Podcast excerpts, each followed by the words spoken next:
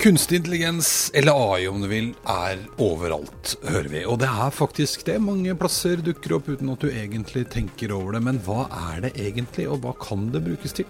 I dag har jeg besøk av Morten Gudvin, som er førsteemanuensis ved Universitetet i Agder og har doktorgrad i nettopp kunstig intelligens. Morten bruker mesteparten av tida si på å forske på AI og på å undervise. Og en av de områdene Morten mener at AI vil bli veldig veldig stort og få stor betydning, er nettopp i undervisning. Skal vi fortsette å gå på universiteter og høyskoler sånn som vi gjør nå, eller vil dette endre seg som følge av bl.a. teknologi og AI? Vi må jo ha masse faglig påfyll, også etter at vi er ferdig på universitetet, og kanskje AI kan hjelpe oss med det. Dette er 30 minutter inn i fremtiden, og jeg er Eirik Normann Hansen. Hei, Morten. God dag. Velkommen til meg. Det var veldig hyggelig å være her. Så bra, så bra. Da skal jeg bare starte klokka, så er vi i gang. Du, kunstig intelligens, det er liksom ditt spesialfelt. Kunstig intelligens har jeg jobbet litt med, ja. Det er riktig. For, for det har jo funnets en stund? Ja, kunstig intelligens har jo funnet i hvert fall tilbake til 1950-tallet. Ikke sant, ja. Men hvis vi ser på det i dag, eh, for dette snakkes det mye om, og det er et ganske ullent begrep. For det, så vidt jeg har vel lært av deg, tror jeg, fins ikke noe sånn offisiell eh, definisjon. Ja, Den nærmeste offisielle definisjonen er intelligent oppførsel i kunstig materie, som er veldig ullent. da. Ja, det blir, ja. I, så, I, så, fall er jo alt fra den lille kalkulatoren til Terminator kunstig intelligens. Ja, altså, ja. Gjør noe intelligent. Ja, også, Det er jo litt sånn at når, først, når man driver og tenker at noe kanskje går an, så kaller man det kunstig intelligens. Og så i det øyeblikket man faktisk begynner å gjøre det, så faller det liksom ned i noen andre kategorier. Ja, Det er, det er helt riktig en annen definisjon. Med en gang man skjønner hva som skjer, så kaller man ikke lenger kunstig intelligens. Men hvis vi skulle prøve, altså Den definisjonen var jo nesten det samme som å bare si kunstig intelligens på et vis. Men, men det handler om at man kan lage eh, maskiner eller systemer eller programmer som har evnen til å lære noe. Basert på noe input og noe rammer og noe greier. Så Det aller meste av kunstig intelligens er akkurat det. Det er mm. dataprogrammer som kan lære noe. Veldig ofte av data eller fra et miljø. Så et konkret eksempel er jo innenfor helse, f.eks. Mm. Hvor hvis man f.eks. skulle lagd et sånt kreftdiagnosesystem da, uten kunstig intelligens, og dyttet inn bilder fra røntgen eller fra MRI, eller noe sånt, så kunne man programmert inn hvordan er en kreftcelle ser ut. Er den så stor, eller er den så stor, er den så ullen, er den så farge, osv. Så, videre. så det er den tradisjonelle måten å gjøre det på uten kunstig intelligens. Mm. Og det fungerer i noen tilfeller, men det er jo kjempemye jobb. Kunstig intelligens, eller det vi kaller maskinlæring ofte, det er at man istedenfor å bestemme alle disse reglene, dytter inn masse eksempler på kreftceller og ikke-kreftceller, og så ber vi dataprogrammet, eller algoritmene som man noen gang kaller det, trekke ut hva det som er relevant. Mm. Og da er det sånn at jeg som programmerer ikke styrer hva den skal se etter, det er opp til den helt selv. Mm. Og det det viser seg, da, at når man gjør disse kunstig intelligens-algoritmene, så får den til veldig, veldig mye mer enn det vi hadde fått til hvis vi hadde programmert absolutt alt inn. Sant, ja. Innenfor medisin eller innenfor eh, å snakke eller innenfor undervisning eller alt sammen. Mm. For, det, for, for det også er vel en en sånn ting, altså en litt sånn uberettiget frykt mange har når man snakker om kunstig intelligens. At den, f.eks. Den, den du beskrev nå, ja. det eneste den kan i hele verden, det er å finne ut av om dette er en kreftcelle eller ikke. Og innenfor akkurat den kreftcelletypen som den har lært seg å, å kunne. Den kan ikke plutselig gjøre noe helt annet. Ja, helt riktig. Vi skiller mellom former for intelligens mm. innenfor algoritmer, innenfor egentlig alle, og det som kalles svak intelligens. Det er det algoritmene er i dataprogrammene. Mm. Og det betyr at de kan akkurat én ting. Mm. Så sjakkmaskinen kan bare spille sjakk. Ja, Men f.eks. Ja. Magnus Carlsen han kan spille sjakk, og så kan han i tillegg snakke på Lindmo eller vitse på Nytt på Nytt. Ja? Ja. Så Magnus Carlsen er, svak, er sterk intelligens, mm. fordi han mm. kan mange ting samtidig. Mm. Mens de algoritmene i dag kan bare én ting, og da kaller vi det svak intelligens. Ja. Og så man, har vi et steg over sterk intelligens igjen, og det er hvis de blir mer smart enn oss mennesker. Da kaller vi superintelligent. Det er et fremtidsscenario som kanskje skjer ja, for det, det, er det. Men det er jo ofte det man liker å skrive om, og det er da vi mister jobben alle sammen, og de tar over verden, og det er ikke måte på. Ikke Fordi den sjakkomputeren, den tar ikke over verden. Ja. Nei, sjakkomputeren tar ikke over verden. Nei. Vi kan miste jobbene uten at kunstig intelligens tar over, ja, ja, er like bevisst. Men hvis det er sånn at disse intelligente algoritmene, dataprogrammene, blir like smarte som oss, da får vi et helt annet samfunn. Ja, ikke sant? Men, men det er en litt annen historie. Ja, ja men det, kan, det, ikke, det, er ikke urealistisk, det. Men det er uh, mange man kan frykte mye mer enn det ja, de neste ja, fem årene. Ja, ja. ja, det, jeg prøver å være litt opptatt av det, da, at vi kanskje skal bruke istedenfor å bruke masse energi på å bekymre oss for ting som vi kanskje egentlig ikke behøver å bekymre oss så mye for, Ja. Heller bruke den energien på å bruke det vi kan gjøre, til å skape noe fornuftig og nyttig eh, for verden. Jeg tror det er lurere. Ja, jeg er delvis enig, men når det er snakk om sånne ting som menneskets utslettelse, så er det greit å tenke litt på det. da. Jo, jo, eh, ja, kjære vene. Helt enig i det. Selv om det er 50 år i Ja, ja, ja, nei, jeg bør ikke vente. Jeg er enig i det. Enig i det. Men eh, undervisning, det er du ganske opptatt av. Og det er vel en viktig del av jobben din nå, for så vidt. Ja, Men, som, ja. Som universitetsansatt så eh, underviser jeg, og det er noe jeg liker veldig godt. Mm. Å stå og snakke foran studenter, f.eks., som er en del av undervisningen. Og få dem til å gjøre oppgaver. Mm. Få dem til å bestå eksamen. Det er jo kanskje den viktigste delen av jobben min Mm. som universitetsansatt. Å få studenter gjennom alt fra bachelor, som er det laveste nivået som er på universitetet, opp til og med doktorander, som man helst skal få gjennom. Ja, ja. Vidt spennende. Ja, ja. Men, men ja, for det, undervisning, altså om det er på et universitet eller om det er i arbeidslivet, og, og i hvert fall én ting som er sikkert, er at behovet vårt nå for å lære nye ting, og kanskje nye ting litt fort, eh, er viktig. Og her kan vel kunstig intelligens kanskje spille en rolle? Ja, jeg er helt sikker på at det kommer til å spille en vesentlig rolle. Det er slik at eh, den tradisjonelle måten å undervise på har jo vært at man tar en bachelorgrad eller eventuelt en mastergrad, eller noe sånt, og så er man ferdig. Men det er jo sånn alle vet at sånn er det ikke. Sånn har det nesten alltid vært heller. Og behovet for å få mer kunnskap hele tiden er jo er der i dag, og det er mye mer enn noen gang. Vi trenger påfyll av kunnskap. Men en del hvor kunstig intelligens eh, kommer til å gjøre et enormt stort bidrag, eh, det er med innenfor undervisning, det er tilrettelegging. Enten det er på bachelornivå eller masternivå eller i arbeidslivet osv. For jeg vet at når jeg underviser for mine 200 studenter, så er det 200 forskjellige individer. Så prøver jeg å treffe sånn omtrent midten, da. For da blir det halvparten uh, syns det er litt vanskelig, halvparten syns det er litt lett, og så treffer jeg liksom gjennomsnittsstudenten. Så utfordringen er jo at gjennomsnittsstudenten fins ikke. Så, og, og da vet jeg at halvparten er litt sure fordi det er altfor vanskelig, og andre halvparten er litt sure fordi det er altfor enkelt. Og, mens det kunstig intelligens kan gjøre, da, det er å individtilpasse eller personifisere undervisningen mye mer. Så hvis jeg sitter helt alene og prøver å bli undervist av en algoritme eller en datamaskin, eller noe sånt, så kan den eh, spesialtilpasse akkurat hva slags type pensum jeg skal, akkurat hva slags type oppgave jeg skal. Trenger jeg mer matematikk for å skjønne det her, eller trenger jeg det ikke? Trenger jeg mer programmeringserfaring, eller trenger jeg det ikke? Og, og det er jo veldig rart at vi i dag har en eh, undervisningssamfunn hvor vi prøver å undervise massene, alle under samme kam. Skjær alle med samme kniv, men så skjærer bort noen bort, da, i den situasjonen. Mens f.eks. de som virkelig kan kunstig intelligens, disse store sosiale mediene som Google og YouTube og Facebook, de klarer å individtilpasse helt enormt. Så når jeg får reklame på Facebook, så er det for ski, eller nå for tiden er det sykling, for han skjønner at jeg er en mann som nærmer meg 40, og som skal prøve å selvrealisere seg litt, osv. Og, og den type ting, da, klarer det. Og det er jo ikke sånn at Mark Zuckerberg eller noen på Facebook har sagt at ja, hvis man er i Norge, så er det litt kaldt om vinteren, da skal man ha litt ski, osv. Alt dette er bare kunstig som er trukket fram nøyaktig. Men dette er jo nesten helt fraværende i undervisningssammenheng. Det er sånn at vi Ingen som sier at det, den studenten skal ha den oppgaven. Det er basert på noen rammeplaner, basert på noen systemer osv. Så, videre.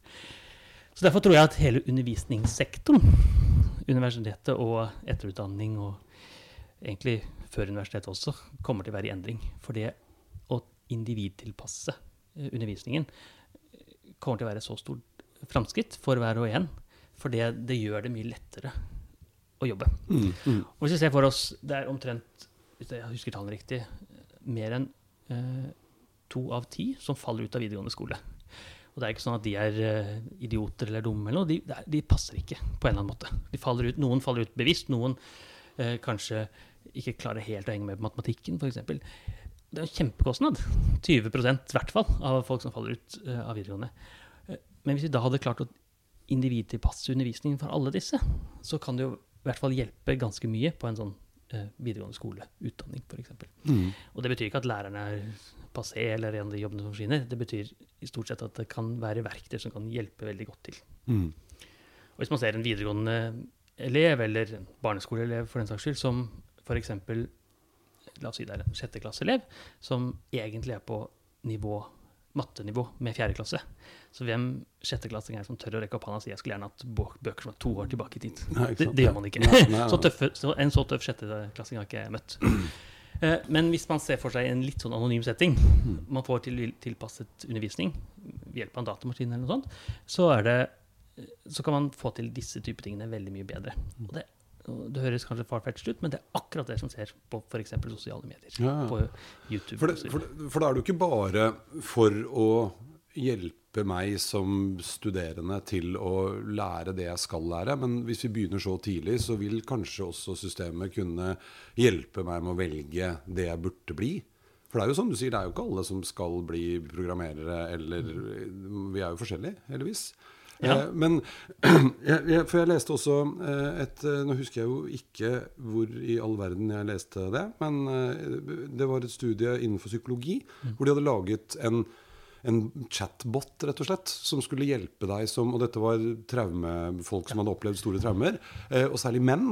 Fordi man vet at menn er litt dårligere til å være ærlig på overfor et andre, annet menneske hvordan de har det. Mens det man så, var at de var mye ærligere overfor eh, datamaskinen. For det er ikke et menneske, så da kan jeg, det, er ikke, det er ikke noe flaut. Så litt den seksåringen. altså det, Hvis du sitter i en sånn setting Det du peker til, er antakeligvis et studie i California eh, som heter Ellie, chatboten Ellie, som var folk som kom hjem fra eh, Irak-krigen og Ja, Afghanistan-krigen. ja, og, det. og det de gjorde, det var jo la disse folkene som har kommet hjem fra krigen, noen av de har alvorlige sykdommer, PTSD og sånt, og så ber de de snakker med en robot, chatbot, samtalerobot, og så sier de til halvparten at uh, du snakker egentlig ikke med en robot, du snakker med et menneske. Mm. så, så ber de andre halvparten, og så sier de andre halvparten du snakker bare med en robot. Og det var vesensforskjell på den, de folkene. De som trodde de snakket med en robot, åpnet seg mye mer. Og, sånn er, og det er sånn for studentene også. Jeg sier til studentene at det fins ikke dumme spørsmål, men jeg vet det fins masse masse dumme spørsmål. Ikke sant? Og det vet de også. Ja, ja, ja. Og det er litt samme som hver gang jeg oppdager noe rart med kroppen min, så googler jeg det. Jeg går, ikke og sier at jeg har fått rød flekk på kneet til alle naboene. Jeg googler det. Og, og det er fordi det er noe anonymt, noe fint osv. Anonymiseringen kan også hjelpe til i undervisningen. der tenker jeg. Tørre å stille de tøffe spørsmålene. Jeg vet at Var det dagen etter brexit, så var det mest googlede spørsmålet 'What is E- European Union?' i England. ja det har jeg et Fryktelig dumt spørsmål Ja. dagen etter. Etter ingen som spurte, jeg er sikker på at ingen spurte, veldig få spurte naboen sin hva er EU egentlig, Ja. men mange googlet det. Og sånn kan man se i undervisningssammenheng. En annen formel på tavla, jeg skjønner ikke bæret. Eh, og det er eh, Hvis man da kan spørre en anonym, så kan man få hjelp til det. Ja, ja, ja. En av, de, en av de største feilene vi gjør som lærer, er å spørre forstår dere dette. Og da, for ligger det Der skal du forstå. Hvis ikke, så Ja. Men man kan tenke, nå snakkes vi mye om norsk, men man kan tenke mye videre enn det. For det, vi vet jo at uh, en av de FNs bærekraftsmål er jo undervisning til alle. Eh, I Norge så er vi kjempeprivilegerte ved at undervisning ligger til rette for de aller fleste. Noen faller ut, men det ligger til rette. Hvis man tenker helt verdensmessig, land som ikke har så mye ressurser, som kanskje må reise timevis for å få tak i undervisning Hvis man ser for seg en ikke fullstendig lærer, men en, en, en algoritme, en dataprogram som kan hjelpe litt med undervisningen i eh, det globale sør, som vi ofte kaller det nå, med folk som har mobiltelefon i India f.eks., så kan det være kjempebidrag på den måten. Så vi vet jo at undervisning er noe mer enn bare å gi tilgang til Wikipedia. For der ligger jo all informasjon. Kan ikke bare studentene lese Wikipedia. Men det er noe mer. Mm, mm. Ja, for, for, da er vi litt inne på det jeg prøvde litt klønete kanskje å si i stad. At uh, istedenfor å være redd for at alle lærere i Norge skal miste jobben, Ja. så kan man gjøre dette for å nå ut med undervisning til folk som i utgangspunktet ikke har så lett for å få tak i det. I tillegg til at det er tilpasset. Og jeg tenker også at det der å ha en person, altså det at du som lærer kan få informasjon om at nå skal jeg snakke med Eirik, og her er liksom rapporten basert på analyse av hele hans skolegang, eh, sånn at den samtalen du og jeg har, er helt annerledes enn den samtalen du har med en annen.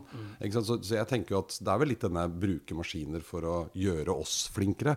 Vi kan bli supermennesker, kanskje. Ja, det er akkurat det. Det er verktøy som kan hjelpe til. Og det, det lærere vil fortelle at de prøver å gjøre, det er å nå det som kalles den proksimale sone.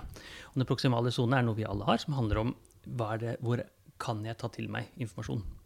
Hvis jeg eh, snakker med mine barn som er seks og fire år og snakker om avansert matematikk og NP-komplette problemer, så skjønner de ingenting. ikke sant? Men hvis jeg snakker med mine studenter om gangetabellen, så er også det utenfor. Ja. Så mye av det handler om å treffe den proksimale sonen. Ja. Og nå antar vi at dette er basert på eh, hvilket år de er på skolen. Og så gjør man litt tilpasninger, selvfølgelig. Men det er akkurat det. Og da kan man få hjelp til. Så han har en proksimal sone som er litt annerledes. Han trenger litt mer mattekunnskaper, kanskje. Kanskje han trenger en annen arbeidsform. Kanskje han trenger å samarbeide mer.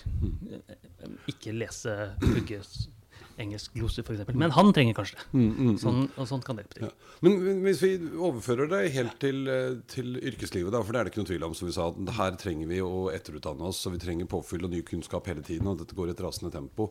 Eh, fordi jeg har jo sett mange steder hvor jeg har jobbet selv òg, hvor liksom fagbudsjettet det går ofte til å reise på en eller annen konferanse hvor kanskje læringsutbyttet er litt så som så. Eh, Men, men tror du dette kommer til å bli altså nå de neste fem årene, da, for det begynner å haste litt, en Ja. viktig del av liksom arbeidsplassen? Ja. Lever ikke du og å snakke på sånne konferanser? Da? Jo, jo, jo, så jeg tipper topp at folk kommer. Men, ja. Men ja, ja, ja. Det kommer absolutt. Og det er, på mange måter så er det allerede her. Mm. Det fins masse kurs man kan ta på internett som prøver å tilpasse litt. Ikke så, mange av de er ikke så veldig gode, men, men de er der. Og jeg tror at hvis man ser ikke fem år, i hvert fall litt fram i tid, så vil jo hele den måten man underviser på, være annerledes. Ikke være, kanskje ikke det vil være noe undervisning på universitet, f.eks. Det er ikke noe forskjell på det. At man tar litt kurs man begynner å, begynner å jobbe, f.eks. Mm. Og det er jo egentlig sånn de fleste jobber. Så hvis jeg oppdager at jeg mangler en kunnskap om noe, så googler jeg litt. Kanskje se en YouTube-video. Kanskje tar jeg et online-kurs. Men hele tiden, i de fleste jobber, så må man til eller for veldig mange jobber da, så må man tilordne seg ny kunnskap hele tiden. Mm, mm. Mens undervisningsopplegget er ikke lagt opp der. Og kunstig intelligens kan hjelpe til akkurat. Ja. Nei, jeg tenker jo at Dette kunne jo være en sånn toveisting òg. At gitt den jobben jeg har, eh, så vil denne plattformen ikke bare undervise meg i det jeg har lyst til, men også det jeg trenger. Eller det jeg ikke visste at jeg kom til å trenge til neste år. Ja, ja. Så jeg er forberedt når det skjer. Ja. det, er noe som heter, det heter Dunning-Kruger-effekten. Og det er eh, vi mennesker er forferdelig dårlige til å skjønne hva vi ikke skjønner. Alt virker så kjempelett, bare man ikke har gjort det. Det virker kjempelett å spille piano, for eksempel, er bare å trykke på disse tangentene. Ikke sant? Men en der pianist vil si at det ligger masse trening bak det. Og det virker kjempelett å holde foredrag, som du driver med, da. Men man må trene om man kunne det. Og, det er litt det samme. Man har ikke egentlig så veldig god kompetanse på hva man har kompetanse på, og hva man ikke har kompetanse på. Og en, men en kunstig intelligens kan det. Den kan finne ut dette kan du ikke. Her må du lære deg. Hvis du virkelig skal bli god pianospiller, så må du lære deg disse notene, f.eks. Veldig viktig. Eller, eller kanskje du må tjene litt på de Mozart-stykkene her, før du går over til de virkelig vanskelige Mozart-stykkene som man skrev senere i livet, f.eks. Mm, Som er veldig vanskelig å skjønne før man har oversikt over feltet. Å kunne det man ikke kan, er vi mennesker utrolig dårlige på. Altså. Ja, ja. Men det er algoritmene veldig gode på. Ja, Et veldig kjent eksempel er fra en, en forsker som heter eh, Mike, Mikael Kosinski. Han, eh, han fikk tilgang til eh, hva folk lika på eh, Facebook. Altså hva de trykka like på URL-er osv. Og så viste det seg at eh, Og så prøvde han å predikere, forutsi hvilken kategori av denne kategori mennesker falt innenfor. Det er en sånn kjent psykologistudie som heter Big Five. Er, hva slags personlighet har du? Er du utadvendt, er du innadvendt? Så, så prøvde han å bruke disse likene inn i en kunstig intelligens for å forutsi hvilken kategori du havner på. Så viser det seg hvis du, hvis du har gitt fra deg 30 likes på Facebook, lika bilder og videoer osv., så, videre, så klarte den å forutsi hvilken kategori du havnet inn i, bedre enn en kollega. 30 likes. 30 likes er ikke mye. Ja, for det, det er gøy, for det er ikke nødvendigvis sånn at man trenger liksom milevis med, med data for å kunne lage ganske smarte ting. Nei, det, helt riktig. Man trenger, der trengte man 30 likes. Og hvis man ga 300, så klarte den bedre enn ektefellen. 300, og ektefellen kan, kjenner deg godt. Altså. Ja, ja, ja. Og Mark Zuckerberg kjenner deg enda bedre. bedre. Men bruker til å selge reklame, da, ikke til å selge undervisning. Men det er jo riktig at det, det er jo da 30 eller 300, men det er jo trent opp på veldig mange mer likes fra før av. De er trent opp på mye data fra før. Så generelt sett så er det sånn at man, jo mer data man gir fra seg, jo bedre blir algoritmene. Men det trenger ikke være mye data fra akkurat deg. Det kan være data fra andre mennesker. Fra som bruker Facebook, da. For Ja, ja. Disse 2,2 milliardene som bruker Facebook. Ja, det er mye. Ja, ja, ja. Nei, jeg, jeg driver jo, pleier jo ofte i mine foredrag for å eksemplifisere eh, nettopp et sånn konkret eksempel. Den herre Crystal Nose, som er en eh, AI-basert plattform som tar en titt på LinkedIn-profilen din. Riktig. Og så bruker den da disk-profil, og den predikerer da hvilken profil du har. Eh, Og det er jo veldig gøy, og og i de aller aller fleste tilfellene så syns jo folk at det passer. Og så skjønner jeg at det er litt sånn stjernetegnsvar. Men, men du blir jo putta i en eller annen bås basert på det bitte lille man har lagt ut. da. Ja. Og det, den, bruk, jeg kjenner den, den bruker kunstig intelligens, den også. Men den bruker jo eh, Den bruker jo enkle former, men det fungerer. Og, det kan, og den viser kanskje akkurat hva verktøyene kan brukes til. For det er ikke, i det tilfellet så er det ikke sånn at den erstatter jobbintervju, f.eks. Mm. Men det kan hjelpe til i en jobbintervjusammenheng og få dette til. Eh, og da er det sånn, da kommer Morten er litt innadvendt, vil det komme, da. Eh, liker å ha styr på ting. En sånn ting som jeg liker, da. Ja, det vil ja, komme opp, da. ja.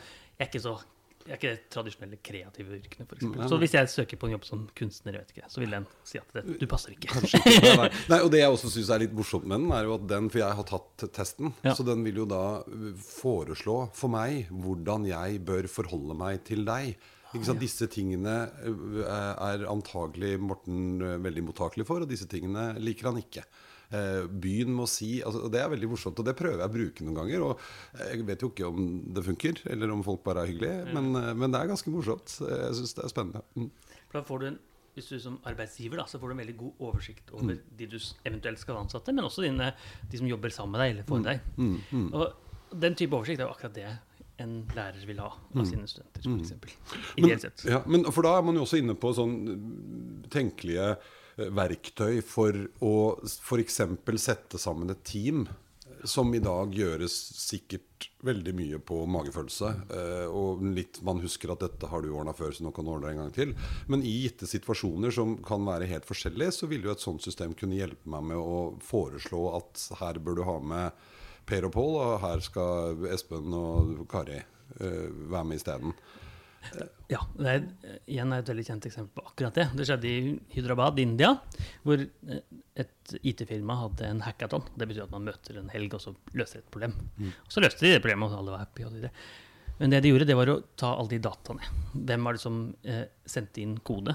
Program, programkode når? Hvem var det som kommuniserte med hvem? Hvem sendte e-post til hvem? Hvem sendte en SMS til hvem? Og så videre, og så videre, og så videre. Og så tok de den dataene og, og gjorde slik analyse. Hvem er det som bør jobbe i gruppe med hverandre? Man kunne tro at den som jobbet mest for høyest lønn, eller sånt, det var ikke det de gjorde. De sa at disse menneskene bør jobbe sammen, disse menneskene bør ikke jobbe sammen. disse menneskene bør ikke jobbe sammen. Og det de gjorde, var å bruke slike kunstig intelligens-algoritmer, en variant som kalles dyp læring, Mm. man liksom får veldig mye kraftige verktøy ut av enkle data. Da, dette tilfellet. Ja. Så det, det er akkurat det. Vi jobber i team. Noen tar lederrollen, og det er fint å vite. Hvis du har fem ledere i samme team, så blir det krasj. Ja, ja. Og så er det vel noen ledere som er flinke til å takle den type problemstilling, mens andre ledere er bedre til å takle, takle denne type problemstillingen. Ja, Ja. helt sikkert. Ja. Og det er akkurat sånne ting algoritmene kan hjelpe til med.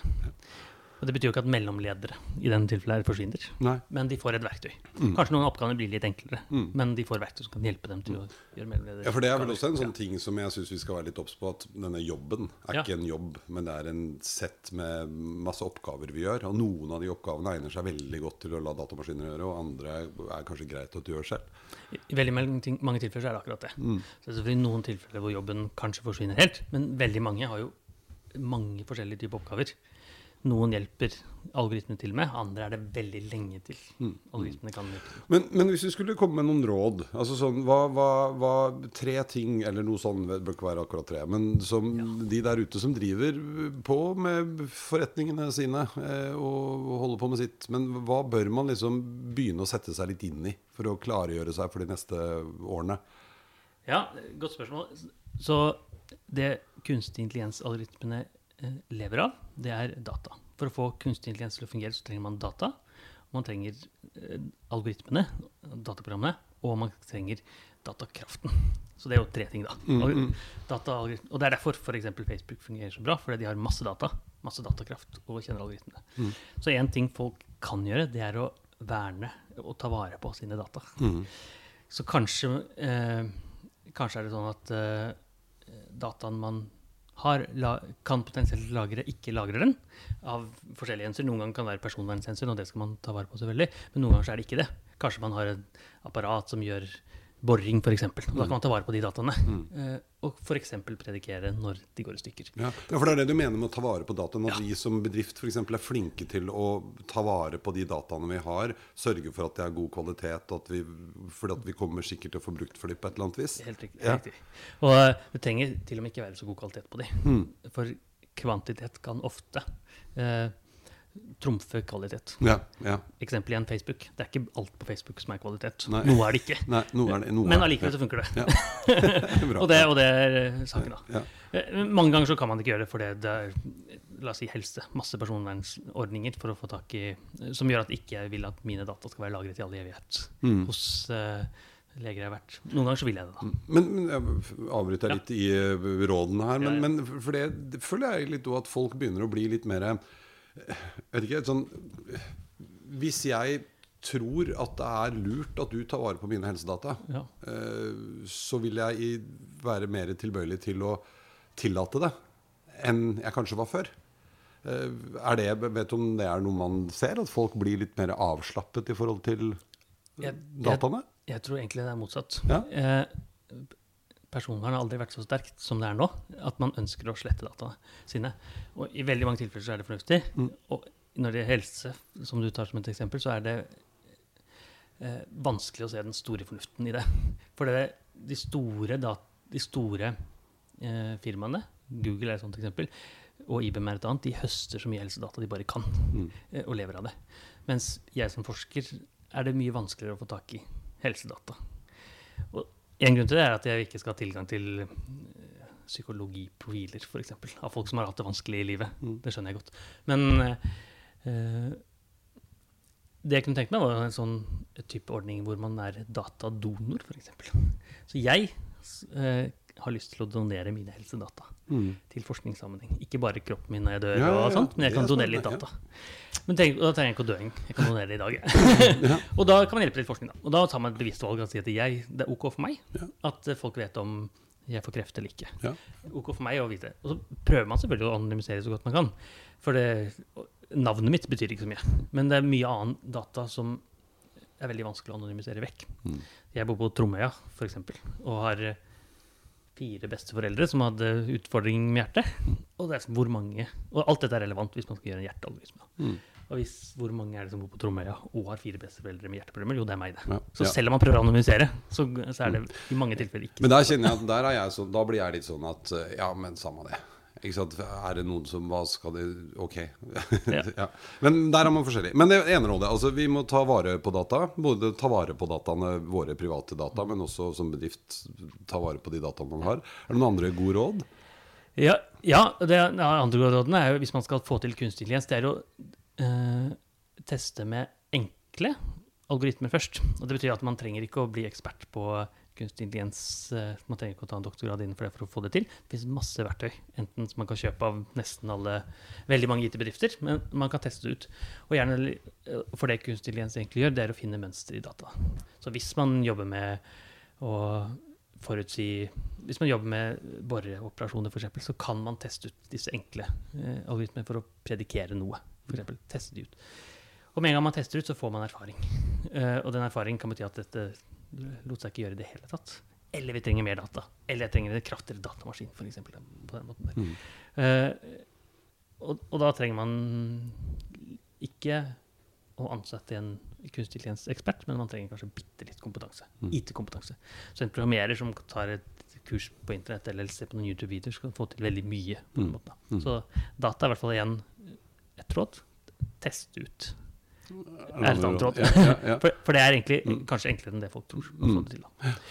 Og tredje rådet er vel å ikke ha enormt ambisjonene. For det kunstig intelligens er et fagfelt som er hypa kjempemye opp. Mm. Det er snakk om disse bevisste robotene som Terminator og Sofia, som er en sånn robot som har fått statsborgerskap i Saudi-Arabia, tror jeg, men som bare er fake. Gjennomsyret Mm, mm. Ja.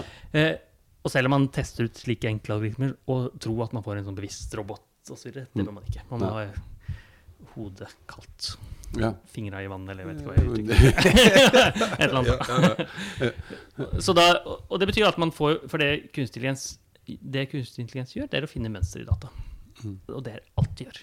Og det, men det kan vise seg å være kjempekraftig og viktig. Men det er alt de gjør. Og det Mm. betyr at man ikke, i hvert fall ikke i løpet av de nærmeste månedene, årene, mister jobben, men man får verktøy som kan hjelpe veldig veldig godt til. Mm. Og da må man se hvilke behov man har. Hva er det jeg har å løse? Mm. For det er sånn med all teknologi at uh, det er problemer de løser for oss, som betyr noe. det er masse teknologi som, som er spådd at kommer, men som ikke løser noe virkelig problem. Ma flyvende biler er sånn type eksempel. Som alle fremtidsfilmer har flyvende biler. Mm, Men det mm. funker ikke. Ingen som har lyst på det. Nei. Mens kunstig intelligens er, er en sånn type ting som noe av det som eh, fremstilles, eh, er liksom over alle støvleskaft, mens mye av det er veldig veldig nyttig. da. Mm. Og det er de nyttige tingene som hjelper oss. Mm. Enten i undervisning, som vi snakket om, i sosiale medier, i helse, i å holde samtaler, f.eks. Mm. Som en kunstig ser ut til å gjøre det bedre og bedre i. da. Ja. Ny samtalepartner. Så i samtale Ja, veldig bra. Men eh, eh, hvis jeg nå driver en liten forretning, som jo er det de fleste butikker i Norge er, Ja. er har du noen anbefaling til Er det noe bok eller noe sted man burde gå, bare for å få litt oversikt? For det føler jeg jo at det er sånn Man mangler litt. Man har lest det der skrekkscenarioet om Terminator-robotene, og så, så forstår man ikke helt, liksom. Hvis jeg, jeg skal ikke bli ekspert, jeg skal bare forstå litt hva dette betyr for meg og min bedrift. Ja, det, er det spørs på hvilket nivå man vil, men Mm. en, en god bok er uh, Bjørkeng sin bok som het 'Kunstig intelligens', som kom ut i fjor. Ja. Den, tar for seg, den heter 'Kunstig intelligens den usynlige revolusjon'. Ja. Det forklarer litt teknisk hva kunstig intelligens er, men ikke teknisk på det nivået at man Mm. må ha en doktorgrad i matematikk. Men lite grann. Og da kan man jo få et sånn grunnprinsippet Ja. rundt kunstig Men det er en god tips. Det, vi begynner der. Nå tror jeg vi bare klokker inn på Hør nå. Wow, godt Der var tiden uten. Wow. Veldig bra. Ja, men Strålende. Da har vi dekket den nære fremtiden. Du har jo også fått i oppgave å tenke på et eller annet 2030. 2030, ja. 2030 er lenge til. Ja. tenker jeg. Spådommer så langt er ofte backfire ofte. Men Ja. det er jeg helt sikker på at kunstig intelligens kommer til å gjøre et kjempegodt bidrag i fremover. Det er det vi snakket så vidt om på slutten. Det er samtaler. Å holde Mm. samtaler. Mm. Så i dag så er det mye enklere å holde samtaler mm, oss mellom, oss mennesker mellom, jeg og kona, jeg og deg osv., Mm. enn det er å holde samtaler med en robot. Mm. Og jeg er helt sikker på at det å holde en samtale kommer kunstig intelligens til å eh, ha løst innen 2030. 2030. Når jeg snakker med Siri på iPhone, for eksempel, så er jo det kjempedårlig. Ja. Jeg, jeg si for det er ikke en samtale. Det er litt sånn du prøver å gi noen Du kommandoer. blir som ekspert på å gi instrukser, Ja. på en måte. Ja. Så ser vi disse samtalerobotene bli litt bedre og litt bedre og litt bedre hele tiden. Da. Og så er det noen kjempekule eksempler hvor man er, som er litt eh, det vi kaller cherrypicka. Valgt litt her og der. Ja. Få det kjempekult. Men de funker. Og jeg er helt sikker på at eh, alt med tekst, alt med samtaler og sånt, det, er, det funker. Kommer, et eksempel på det var jo, var jo forrige uke. Nå har jeg dette opp Dette tar noen uker før det kommer fram. Så noen uker siden, da. så vi jo, ble vi spurt av NRK om å lage noe som kalles en griefbot. Og en griefbot det er en robot uh, som tar dine sosiale mediedata, f.eks., eller tekstmeldinger, eller noe sånt, og så trener den opp en samtalerobot. Og så er tanken at hvis du faller bort, hvis du dør, så kan jeg selge den roboten til kona di. Sånn at hun kan holde en samtale med deg. da, En liksom-samtale. Ja, Og det er det folk som gjør, da. spennende. Dette er vel faktisk laget eh, Det er vel en sånn Black Mirror-episode, Ja, Mirror. Ja, stemmer det. Kommer jeg på Så var det det. vi, var det vi prøvde å gjøre. Så vi, vi gjorde det. Trente opp en robot, en sånn Pepper-lignende robot, til å snakke det. Så holdt hun samtale med seg selv, hun journalisten. Men det viste seg jo da at hun hadde vært mye mer aktiv på Facebook som 14-åringen enn nå som jo var 24 års seriøs journalist. Ja. Så mye snakk om fest og litt mye banning på Dagsrevyen. Ja, ja, nei, men det er bra. Men Ja, den ja, ja. ja, strålende, Morten. Tusen hjertelig takk for besøket. Bare hyggelig. Kjempehyggelig.